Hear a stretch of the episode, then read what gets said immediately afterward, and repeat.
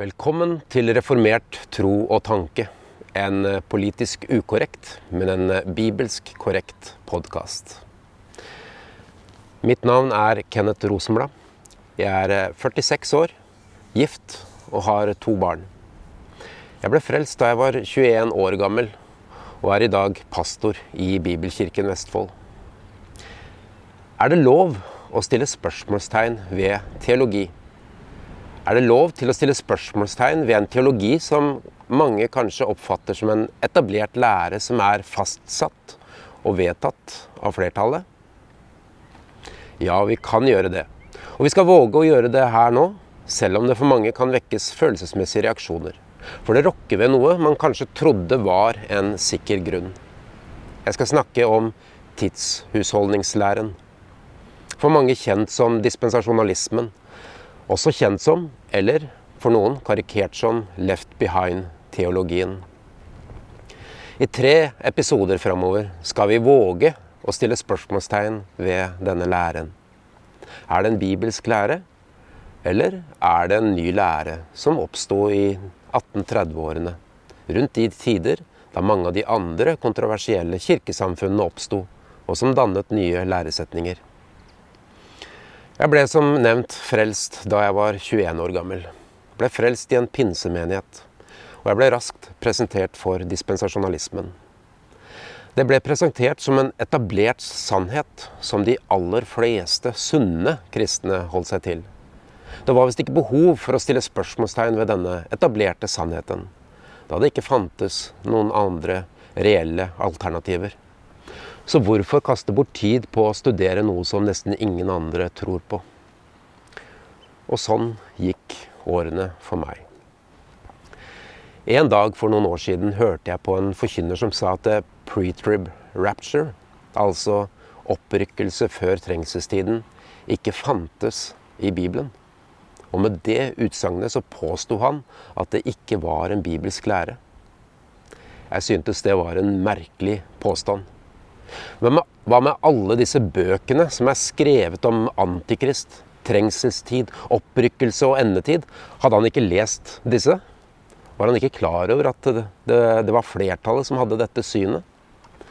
Og man hadde vel i alle fall ikke laget tre Hollywood-filmer om det, hvis ikke det var en bibelsk lære. Nei, så dette ville jeg motbevise.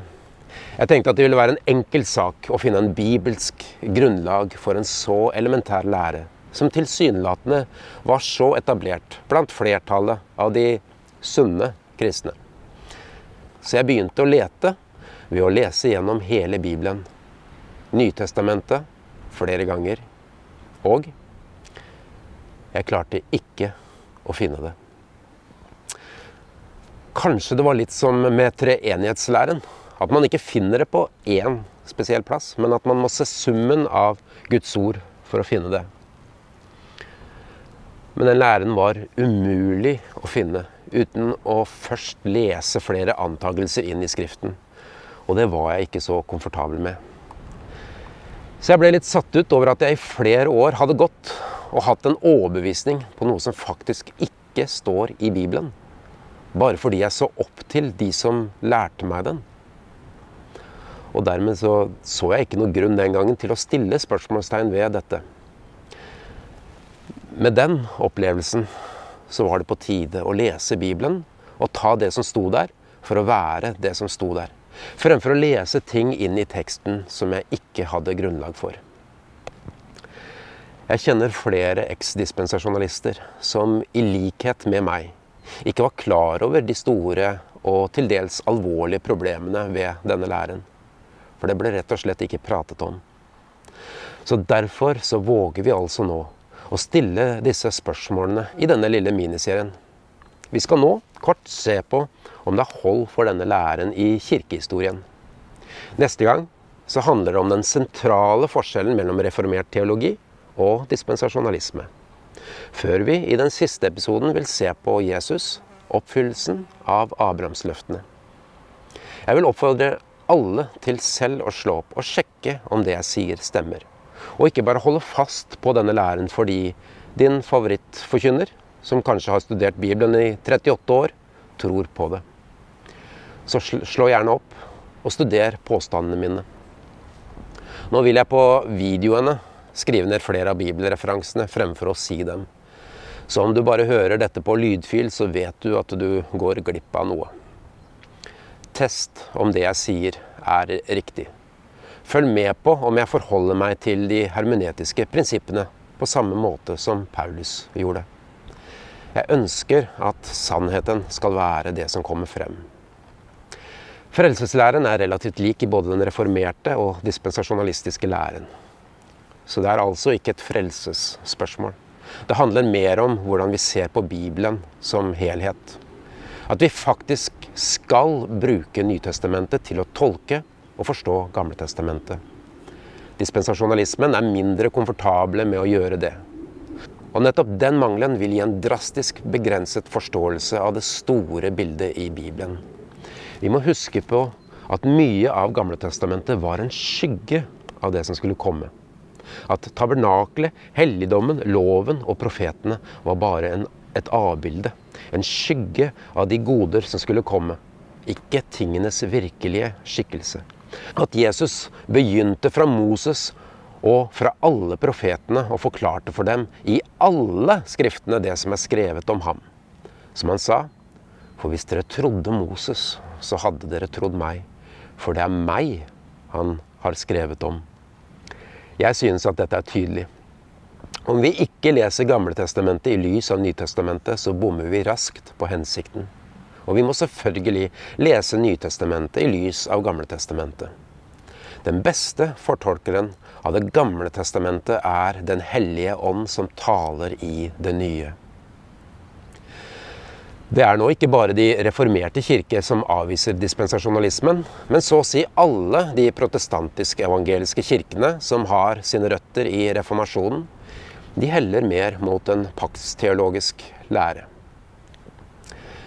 Min første påstand er at dispensasjonalismen er en ny lære, som oppsto i første halvdel av 1800-tallet, formulert av engelskmannen John Nelson Darby.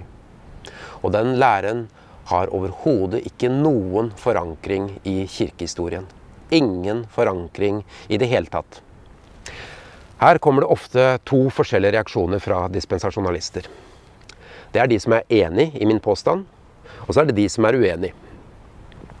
La oss først se på de som er uenige. De som sier at denne teologien ikke er en ny lære, og at man absolutt finner den i kirkehistorien. Og hva viser de da til? Jo, de viser til alle i kirkehistorien som holder til det vi kaller for historisk premil. Altså de som tror at Jesus vil komme tilbake før et fysisk tusenårsrike på jorden. Alle dispensasjonalister er uten unntak premil. Men langt ifra alle premil er dispensasjonalister. Om man ikke er klar over det, så kan det være misvisende lett å tenke at de kirkefedrene var dispensasjonalister. Men dispensasjonalisme omfatter så mye mer, selv om den inneholder premil. Men man finner ikke noe som helst antydning til at disse premil-kirkefedrene var i nærheten av å holde på en så omfattende lære som det dispensasjonalismen er. Og man finner heller ingenting av denne pre-trib rapture i kirkehistorien. Altså opprykkelse før trengselstiden, som jeg innledet med og som vi finner i Left Behind-filmene. Det i seg selv mener jeg burde holde. At når vi ikke finner det verken i Bibelen og ei heller i kirkehistorien, så finner ikke jeg noe grunnlag for selv å holde på en slik lære. Denne læren er altså ikke fundamentert i Bibelen ved naturlig lesning. Og den er ikke kirkehistorisk forankret. Men om du googler 'dispensationism in church history' eller 'dispensationism in church fathers', så vil du se at noen har prøvd å bevise at det finnes spor av den i kirkehistorien. Du vil da se at noen av kirkefedrene kanskje har skrevet ordet 'dispensasjon' for å vise til at Gud har virket forskjellig i forskjellige tidshusholdninger. Men da får vi et problem hvis vi begrenser definisjonen av denne omfattende læren til å bare handle om de forskjellige dispensasjoner i Bibelen. For det tror jeg ikke det er noen kristne som er uenige om. Altså at Gud har virket forskjellig i forskjellige mennesker gjennom forskjellige tider på forskjellige måter. Den læren finner man da selvfølgelig i kirkehistorien, siden vi alle er enig i den. Så det forteller oss egentlig ingenting. Det blir som om eh, pinsevennene skulle ha definert seg selv som at vi er de som tror på Den hellige ånd. Noe som er en definisjon som vi alle holder fast på, og derfor ikke er unik for pinsevennene. Å tro på dispensasjoner slik vi finner det hos kirkefedrene, er altså ikke unik for den dispensasjonalistiske læren, og derfor ikke holdbart som et argument. Tilsvarende er det også med de som var historisk premil. Vi finner at noen av de som forsøker å forsvare den læren på internett, tar noen kirkefedre, slik som eh, Justin Martyr, som levde i år 110-165 etter Kristus, og sier Se her, han trodde på tusenårsriket og nevner dispensasjoner. Ergo han var en dispensasjonalist. Men det blir dessverre da et uærlig argument, ettersom Justin Martyr, som var en hedning, skrev et brev til jøden Tryfo om at Kristus er Israel, og at vi, menigheten, er det sanne Israel. Og Det er dermed en direkte motsetning til selve definisjonen til dispensasjonalisme. Charles C. Ryrie, en av dispensasjonalismens største forkjempere, sa at skillet mellom menigheten og det naturlige Israel er selve hoveddefinisjonen på dispensasjonalisme. Og Han sa også at den læren helt klart finnes hos kirkefedrene, uten at han ga noen klar referanse. Dessverre er det ikke alle som har anledning til å sjekke opp slike påstander. Og det er dermed lett å omfavne det. Men jeg har her en fotokopi av en studie fra Dallas Theological Seminary. Skolen som er selve flaggskipet til dispensasjonalister. De selv sjekket opp påstandene til Rari for å forsvare sin egen lære og læremester. Altså med den hensikt å bevise påstandene til Rari. Men de måtte konkludere med at Rari og dispensasjonalismen ikke har dekning for en slik påstand. De lette og de lette, men de fant ikke læren av dispensasjonalisme i kirkehistorien. Derimot så lærte flere av kirkefedrene at den sanne menighet er det sanne Israel, Jesus Kristus. Så har vi den andre leiren av dispensasjonalister, de som faktisk erkjenner at læren oppsto rundt 1830-tallet, og som er enig i at man ikke finner den i kirkehistorien. Det er godt å erkjenne realitetene slik de er. Men det er bekymringsverdig at de fortsatt holder fast på den læren, til tross for dette.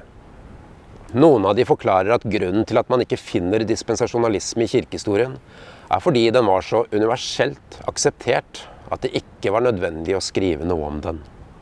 Og noen sier at dispensasjonalistene ble så forfulgt i det første århundret at de ikke fikk skrevet det ned, eller fikk frem læren. Noe som bare er udokumenterte påstander og teorier for å forklare det totale fraværet av denne læren. Men det argumentet som kanskje er mest vesentlig blant de som erkjenner at dispensasjonalismen er en ny lære, det er at det ikke har noe å si. De sier at det er uvesentlig når den oppsto, og at det er uvesentlig at den ikke har en kirkehistorisk forankring.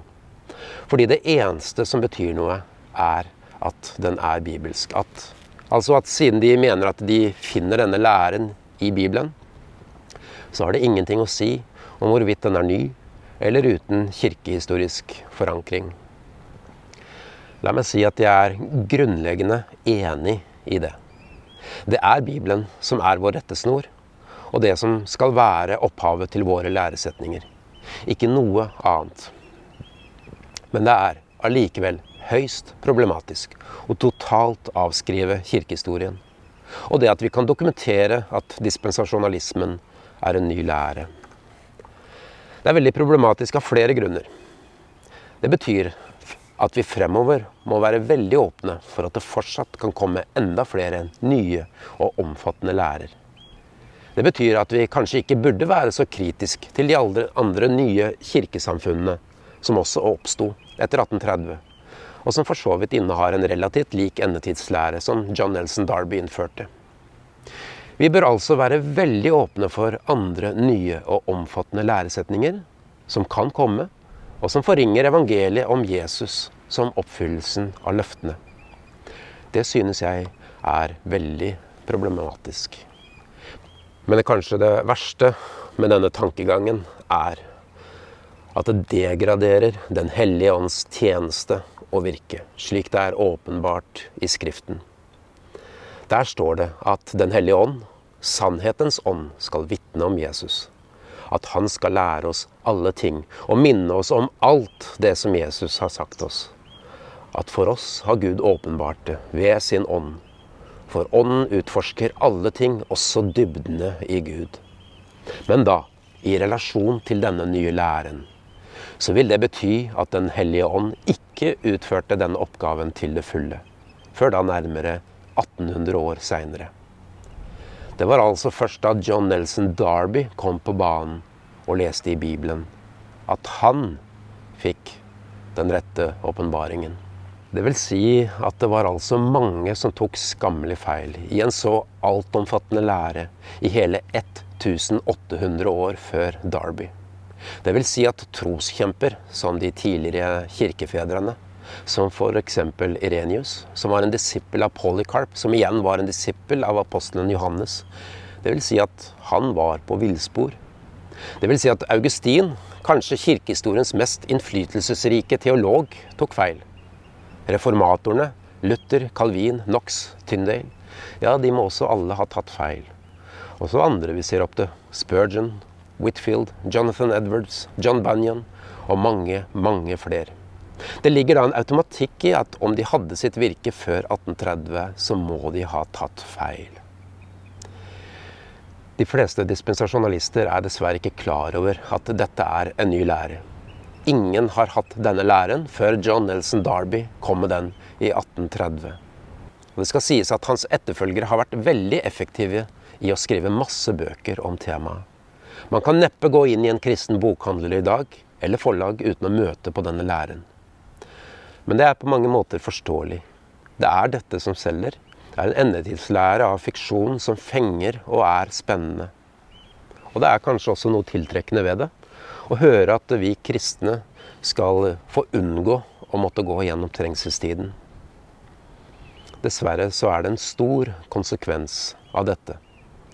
At en slik lære påvirker i stor grad hvordan vi investerer i vår hverdag. I samfunnet, i livene våre, utdannelse, miljø osv. Mange fristes dessverre til å leve atskilt fra verden og vente på opprykkelsen. Men vi må altså da konkludere med at de alle tok feil før 1830. Hvordan de oppfattet endetiden, Abrahamsløftenes oppfyllelse i Jesus, opprykkelsen, relasjonen mellom menigheten og Israel osv. Ja, de tok feil i flere ting, kirkefedrene. Det er ikke det at vi ikke tar feil, eller kan ta feil om forskjellige ting i dag også. Men dette handler ikke om en mindre isolert lære hvor vi kan ta litt feil. Det er snakk om en omfattende og betydelig forskjellig lære. Og det handler ikke bare om endetid, som mange feilaktig tror. Det handler om hvordan vi ser på og forstår Skriftene, som gir store konsekvenser for hvordan vi tolker Guds ord. For meg så er det høyst problematisk å bare skulle omfavne noe som ingen så før 1830. Spesielt også siden vi ikke finner det i Bibelen med en naturlig lesning. Men som sagt så er jeg grunnleggende enig i at kirkehistorien ikke skal være et argument for vår teologi. Det er det Bibelen som skal være. Vi skal i de neste undervisningene gå til Skriften og se på hovedproblemet med denne læren. Hvordan den går imot en naturlig lesing av Bibelen. Guds fred.